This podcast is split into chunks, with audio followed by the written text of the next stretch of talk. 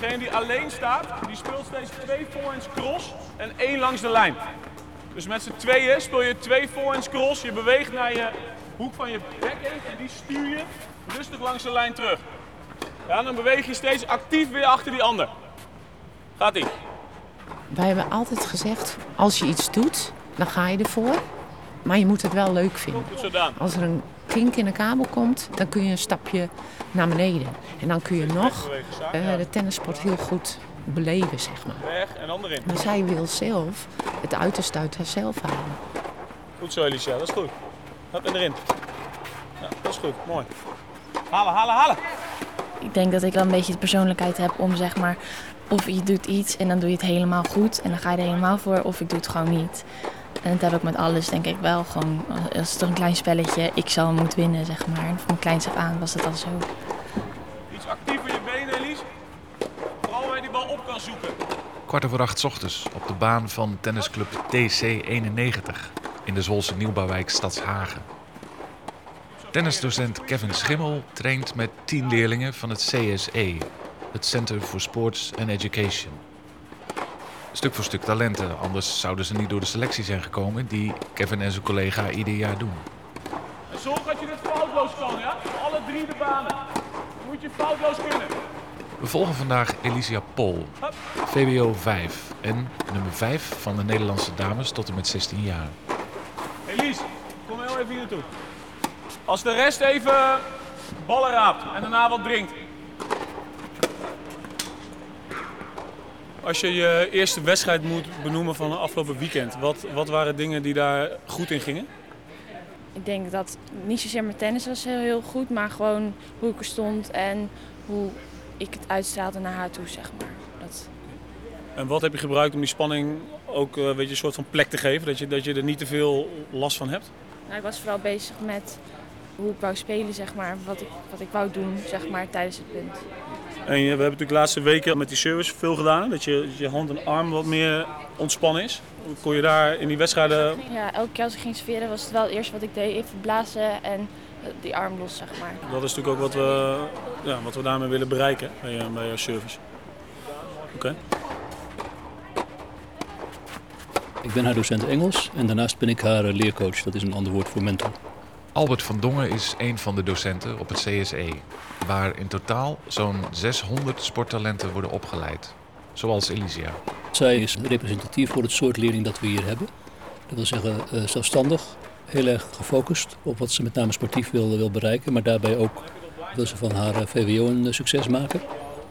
Kritisch naar hoe de organisatie dat mogelijk maakt. Recht door zee, open. Dat zijn wel de belangrijkste dingen die zo zijn gebleken.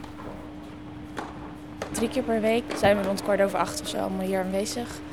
En dan eh, trainen we tot tien uur. En hoe ziet de dag er dan verder vandaag uit? Ehm, school tot kwart voor drie. En dan beginnen de lessen om half elf. En dan eh, trainen in Doorn. En dan ben ik rond negen uur thuis vanavond.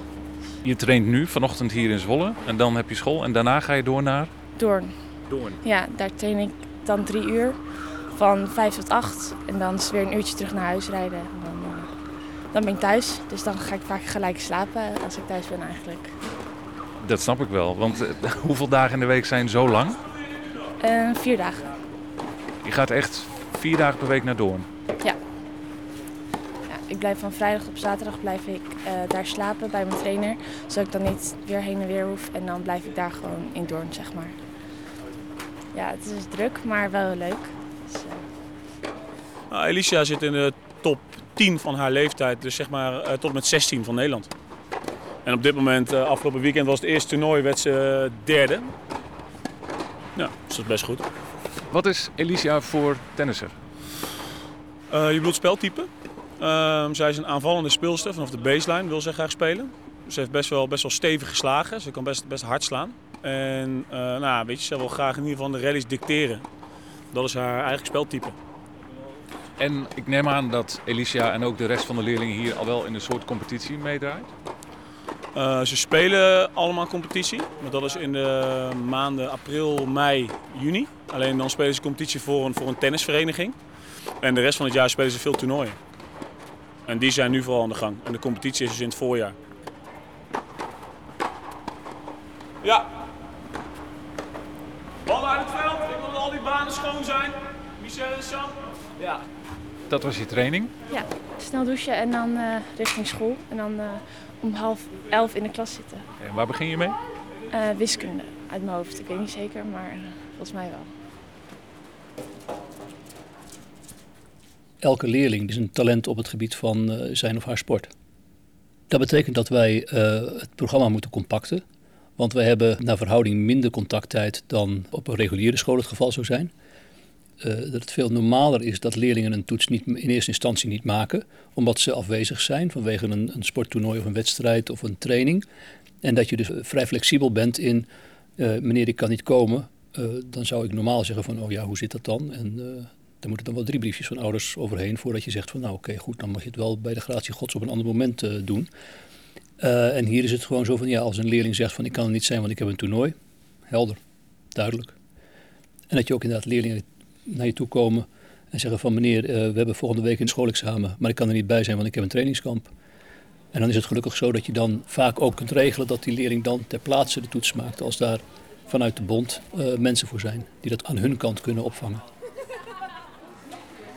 Duits en wiskunde heb je achter de rug? Ja, niet heel bijzonder. Gewoon een beetje, beetje oefenen. Gewoon, ja, geen toetsen, dus uh, dat is altijd fijn.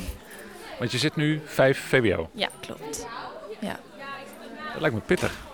Ja, met zoveel trainen en veel reizen en alles is het ook best wel zwaar. Maar uh, tot nu toe gaat het wel goed. Dus dat is wel mooi. Ik vroeg me af, hebben jullie nu ook een aangepast rooster? Dat je lesuren korter zijn? Um, wij hebben wel dat in het rooster zelf zitten natuurlijk die tennistrainingen al. Voor, maar ook voor andere sporten dan. Die uh, ook op deze school kan doen, zeg maar. Dus de lessen beginnen pas om half elf in plaats van half negen. En je zit ook maar max tot half vier op school. En dat heb, je ook, heb ik maar één keer in de week. Dus dat is wel heel fijn. Maar dat betekent wel dat je minder tijd hebt om al de normale lessen erdoor te krijgen. Ja, klopt. Volgens mij is het normaal om vier keer wiskunde of zo per week te hebben. En wij hebben dan maar drie keer of zo. Dus wij hebben wel minder uren, zeg maar. Maar in die uren moeten wij dus dan iets meer doen dan, dan op andere scholen gedaan moet worden in datzelfde uur, zeg maar.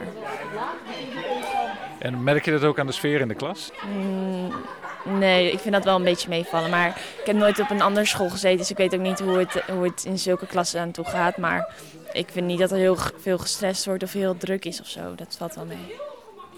Nou, in, in verhouding, in vergelijking met uh, de reguliere onderwijs. Uh, in het reguliere onderwijs lopen het altijd een aantal leerlingen rond die zoiets hebben van ja, uh, ik zit hier wel, maar waarom zit ik hier? Daarnaast zijn er een, is er een groep leerlingen die zitten met het idee van de leraar is de erfvijand. Dus ik ga wel echt alles doen om gewoon niet naar hem te hoeven luisteren. En dat soort leerlingen ontbreekt hier goed deels. De leerling weet van ik moet het van hem of haar hebben. Dus je bent veel meer een coach, je bent veel meer een, een partner, je bent veel meer een facilitator van het, van het leerproces. Dan dat er echt een, een enorme machtsstrijd gevoerd moet worden. Want die machtsstrijd die voeren ze wel met zichzelf op het veld. Dat lijkt me wel een voorrecht als docent. Het is heel plezierig. Aan de andere kant heb je dus wel die andere kant dat het organisatorisch meer van je vergt uh, dan uh, in het reguliere onderwijs. Want wat vind jij zelf het lastigste hier? Het lastigste vind ik dat um, in die focus zit ook een begrenzing. Dus als het gaat om algemene ontwikkeling, ze hebben zichzelf heel erg duidelijk in bepaalde richtingen uh, ontwikkeld. Maar daarbij zijn natuurlijk dingen buiten beschouwing gebleven, die misschien maatschappelijk wel spelen. En dat is wel een uitdaging om daarmee uh, om te gaan. Ook is het zo dat uh, ja, het nut, wat heb ik eraan? Waarom moet ik dit? Dat zijn belangrijke vragen die wel gesteld worden. En daar moet je heel erg je antwoorden uh, op hebben. Want ze hebben gewoon een strakke agenda, dus je ja. moet wel degelijk kunnen verantwoorden waar, ja. waarom ja. jouw les zo belangrijk is. Een collega die vertelt mij dat uh, uh, hier op school wordt de informatie opgenomen en dan is het klaar. En op de andere school worden vragen gesteld van, goh, maar hoe zit dat dan verder? Ja, daar, daar zitten onze leerlingen vaak niet op te wachten. Dit is jouw zelfwerkzaamheidsuur. Wat doe je dan normaal? Ja, gewoon vaak huiswerk maken wat ik dan niet thuis heb kunnen doen. En gewoon zorgen dat ik een beetje bijblijf. Want als ik vanavond zo laat thuis kom, dan, dan is het niet dat ik denk van... oh, laat ik nu nog even gaan leren of huiswerk maken. Hoe gedisciplineerd ben jij? Met tennisgebieden heel erg. Daar laat ik wel echt alles voor. Ik kan weinig afspreken met vriendinnen en alles. En zoals nu ben ik half toch wel geblesseerd. Dus dan zorg ik gewoon dat ik elke dag eh, magnesium slik. Elke dag de oefeningen doe om het beter te maken. Dus toch wel heel gedisciplineerd. Eh, schoolgebied ook wel. Als ik niet een toets goed ken, dan krijg ik daar ook echt wel stress van. Dus ik zorg altijd ook wel dat ik gewoon, als ik een toets heb, dat ik het altijd goed leer. En dat ik het dan, ja, dat, in dat opzicht dan wel weer gedisciplineerd. Maar op school, om me echt dan toe te zetten, om dan echt aan de bak te gaan, zeg maar, om echt te gaan leren dan. Dat vind ik dan nog wel moeilijk als je dan omheen allemaal mensen zijn en aan het praten en zo. Dan, dan vind ik het wel moeilijk. Heb je het idee dat je jezelf eh, veel moet ontzeggen om op deze manier zo serieus met je sport bezig te zijn? Mm, ja, niet per se ontzeggen, want wat ik doe vind ik toch wel heel erg leuk. En ik zou het echt voor geen goud gewoon in willen ruilen voor gewoon normale, zeg maar zonder tennis. Alleen soms heb je wel lastige momenten als je ziet dat vriendinnen van je gewoon wel weer uitgaan of eh, gewoon met z'n allen gaan afspreken of gaan uiteten met z'n allen en dat, dat ik gewoon moet trainen. En dat, dat vind ik dan soms wel lastig dat ik denk van ja, heb ik net een wedstrijd of net een training, dan moet ik weer nee zeggen. Dat op zich vind ik het wel lastig, maar verder, ja, ik doe het omdat ik het leuk vind. Ik zou het echt, echt niet willen stoppen, zeg maar. Heb je überhaupt tijd om uit te gaan af en toe? Nou, eigenlijk bijna nooit. Ik ben nu twee keer of zo uit geweest. Maar dat, eh, dat doe ik echt alleen als ik de volgende twee dagen sowieso geen belangrijke wedstrijden of sowieso wedstrijden niet. En Maar ook niet training. Als ik de volgende dag training heb om negen uur ga ik ook niet uit.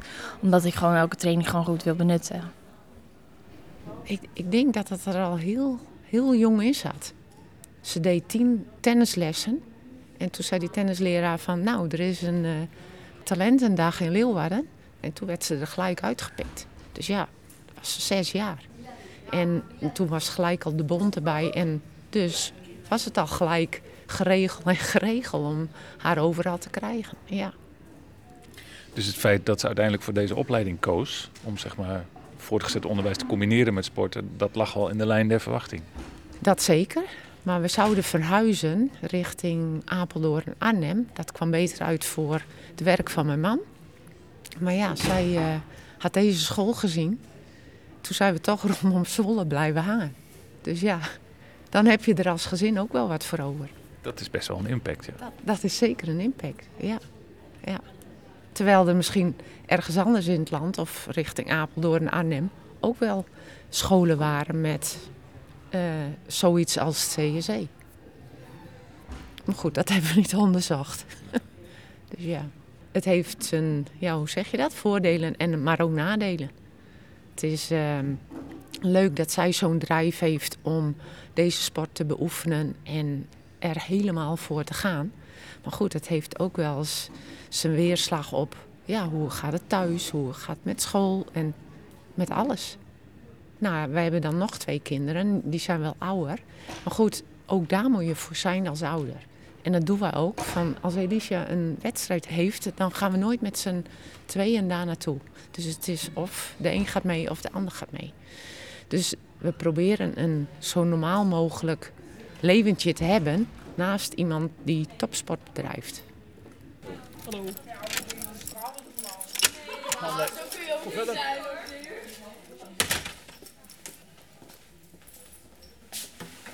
Hoe is ie? Gaat goed. Mooi. Heb je het dan over sportief of heb je het dan over school of heb je het over allebei? Beide. Dat is mooi. Sta je nog tekorten? Ehm, alleen natuurkunde, maar daar hebben we ook nog maar één toets voor gehad. Oké. Is dat het onderwerp? Of is natuurkunde sowieso een moeilijk vak voor je? Natuurkunde vind ik sowieso best wel lastig, maar ik heb ook heel veel lessen van natuurkunde eh, het eerste hoofdstuk gemist. Oké. Omdat ik natuurlijk op, die, op dinsdags ik half uur uit ben, maar ik heb trainen in eh Doorn, dus dan moet ik altijd drie kwartier eerder weg. Dus je de- het laatste natuurkunde mis ik dan altijd. Lukt dat wel een beetje om dat in de gaten te houden, dat, het, dat je niet helemaal eruit raakt, zeg maar? Ja, dat is dus nu gebeurd bij biologie. Ja. Maar de rest hou ik op zich wel redelijk bij. Alleen zoals nu heb ik een weekend gehad met vier wedstrijden. En ben ik van, van 8 uur 's ochtends tot 8 uur 's avonds ben ik van huis weg. En eh, als je daar bent, dan ga je daar niet... eh, dat je, De buurvrouwen hebben wel eens tegen mij gezegd, dat is zielig. Dat meisje kan nooit op een woensdagmiddag spelen.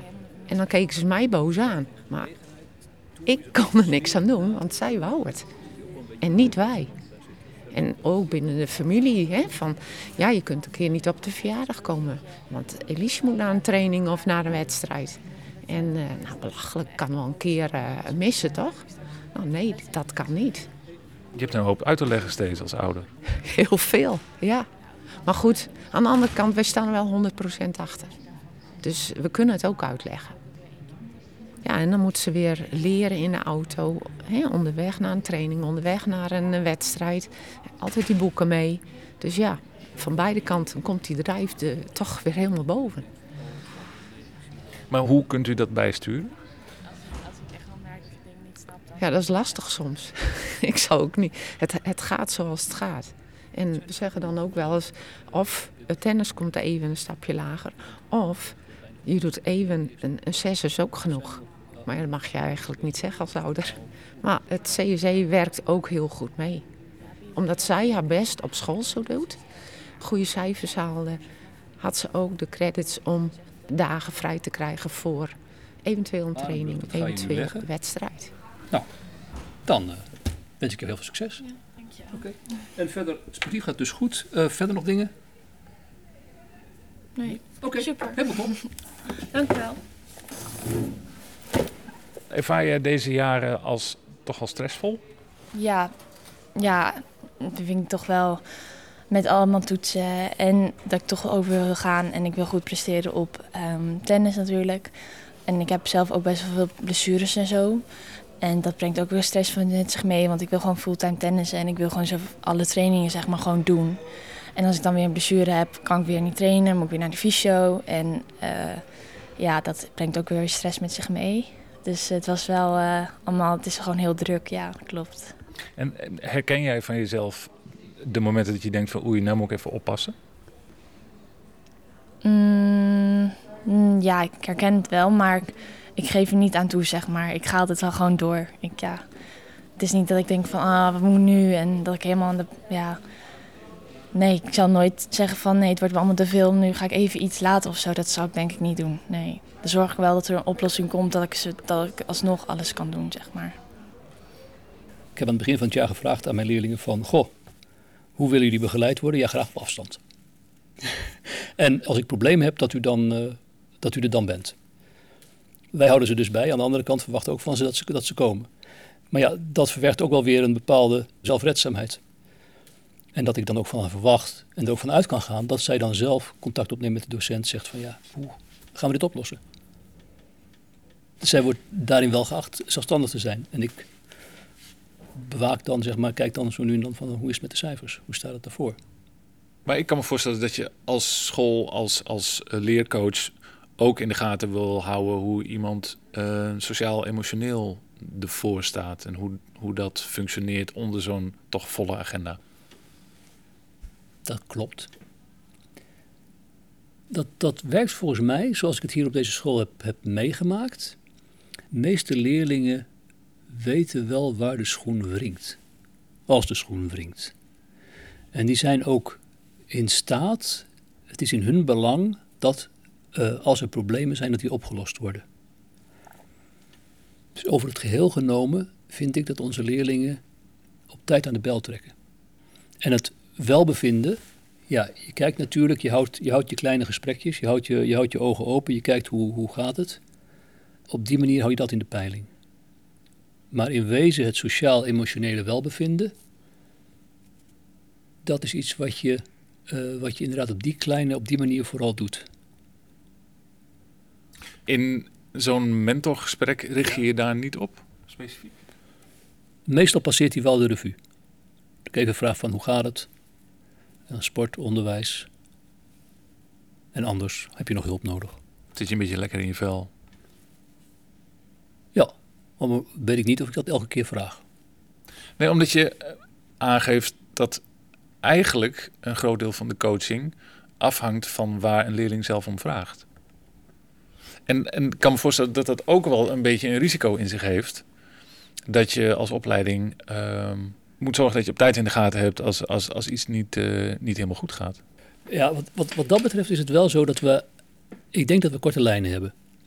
Tussen collega's van, van goh, ik zie dat dit niet goed gaat met haar, kun je het even aanspreken. Ik zie dat hij niet presteert zoals het zou moeten, kun je hem daarop aanspreken. Anderzijds ook dat ouders zijn, zijn nauw betrokken op onze leerlingen. Zeker als ze dan uh, als ze twee, drie keer in de week klaar moeten staan om te rijden. Dus die hebben de vinger ook aan de pols. En we zitten echt in die, die, die duidelijke driehoek van sport, ouder en onderwijs die om de leerling heen uh, staan. En omdat wij een kleine school zijn, kan veel informeel gewoon geconstateerd worden, verteld worden, gedeeld worden. Nou, we proberen wel rekening te houden. Wij beginnen natuurlijk op maandagochtend. Dat is de eerste training van de week. En zoals afgelopen weekend hebben een aantal hebben vier wedstrijden gespeeld. Dus dan, dan kan het wel zo zijn dat, dat iemand een keer een rustdag heeft. Wat ook heel belangrijk is, dat je in ieder geval een rustdag hebt in de week. Dus daar houden we wel rekening mee.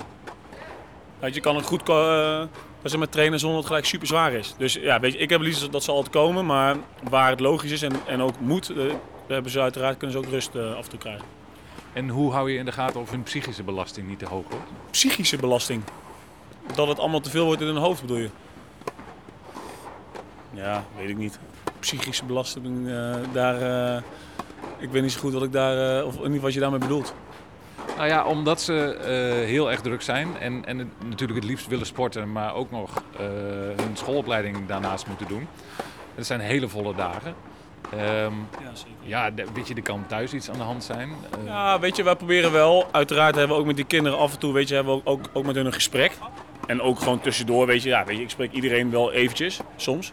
En een aantal zie ik, zie ik heel veel in de week. Dus daar heb ik ook wel heb ik het ook over school en uh, weet je, alles wat er natuurlijk omheen is. En dan voel je of merk je wel, weet je, of een kind geeft het zelf aan of als het misschien heel, heel veel is. Als we bijvoorbeeld een proefwerkweek hebben en een toernooi en ze zijn veel aan het reizen. Maar ook dat is wel iets wat zij ook een beetje zelf moeten gaan leren te managen, om even zo te zeggen. Weet je, ze moeten ook zelf weet je, hun tijd indelen. En misschien moeten ze wel leren een keer in de trein of in de bus of in de auto. Want zij kiezen wel ervoor om, om zeg maar, ja, weet je, een druk bestaan te hebben. Weet je, de, de meesten hier wonen ook niet in Zwolle. Die komen of met de trein of, of openbaar vervoer. Ze worden gebracht. Dus ze, ze, hebben ook veel reistijd. Dus ja, weet je, dat probeer ik wel in de gaten te houden. Maar ze zullen er ook een soort van uh, weg in moeten vinden. Ja, het is een druk bestaan, maar dat hoort er ook bij. Daar heb je nou voor gekozen? Ja, vind ik wel. En dan moet je ook, moet je ook gewoon uh, ja, weet je, mooi vinden om te doen. Laten we wel wezen, als de kinderen op het jeugdjournaal komen die in de opleiding zitten van een bepaald voetbalorganisatie, die willen allemaal naar Barcelona. Die willen allemaal de nieuwe Messi worden. Dus onderschat alsjeblieft de drive van deze leerlingen niet. Die is fenomenaal. Maar heb je, ontstaat er een moment dat je denkt: ik moet deze hoop, deze verwachtingen een beetje gaan temperen? Nou, natuurlijk. Maar op zich kunnen ze dat zelf ook. Ik heb al een keertje in een HAVO-4-klas uh, enorm staan uh, oreren van... jongens, jullie mogen nou allemaal wel denken van... haha, ik heb een, een 4 voor dit vak, maar het interesseert me allemaal niet. Maar voor, er zal er maar één in deze klas zijn die het straks in sportief gaat redden. En de anderen zijn het allemaal, moeten het allemaal hebben van dat HAVO-papiertje. Waarop één, één leerling, een hockeyer, droogkomisch opmerkt, opmerkt meneer... één leerling in deze klas, één leerling in deze school. Dus het relativeringsvermogen is er ook wel. Ik denk dat als het gaat om de sport, uh, zijn wij eigenlijk bezig met het, uh, het, het, opleiden van het middenkader. De volgende groep trainers. Omdat ze die, die, die diepe liefde hebben voor dat, voor dat spelletje wat ze, wat ze doen.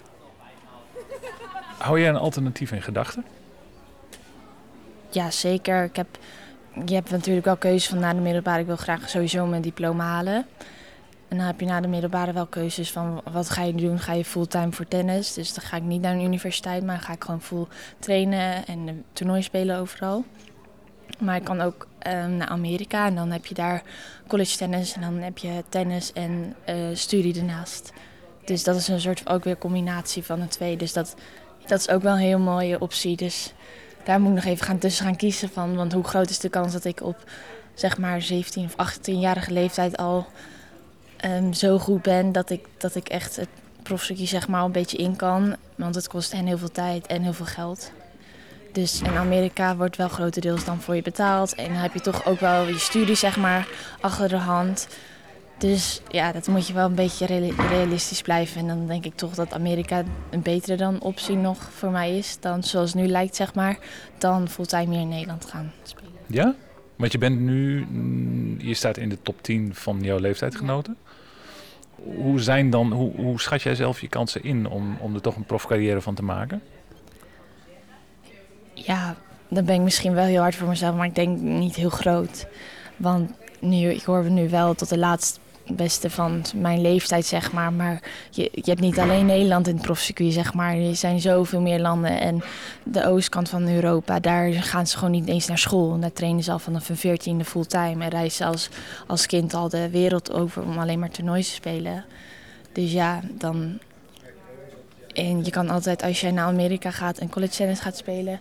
dan kan je altijd nog na die tijd, zeg maar, uh, voor de fulltime uh, carrière gaan ik denk dat het wel dat het realistisch is op dit moment. Maar misschien voor, ga ik dit, dit jaar wel hele grote stappen maken. En dan denk ik er over een half jaar heel anders over.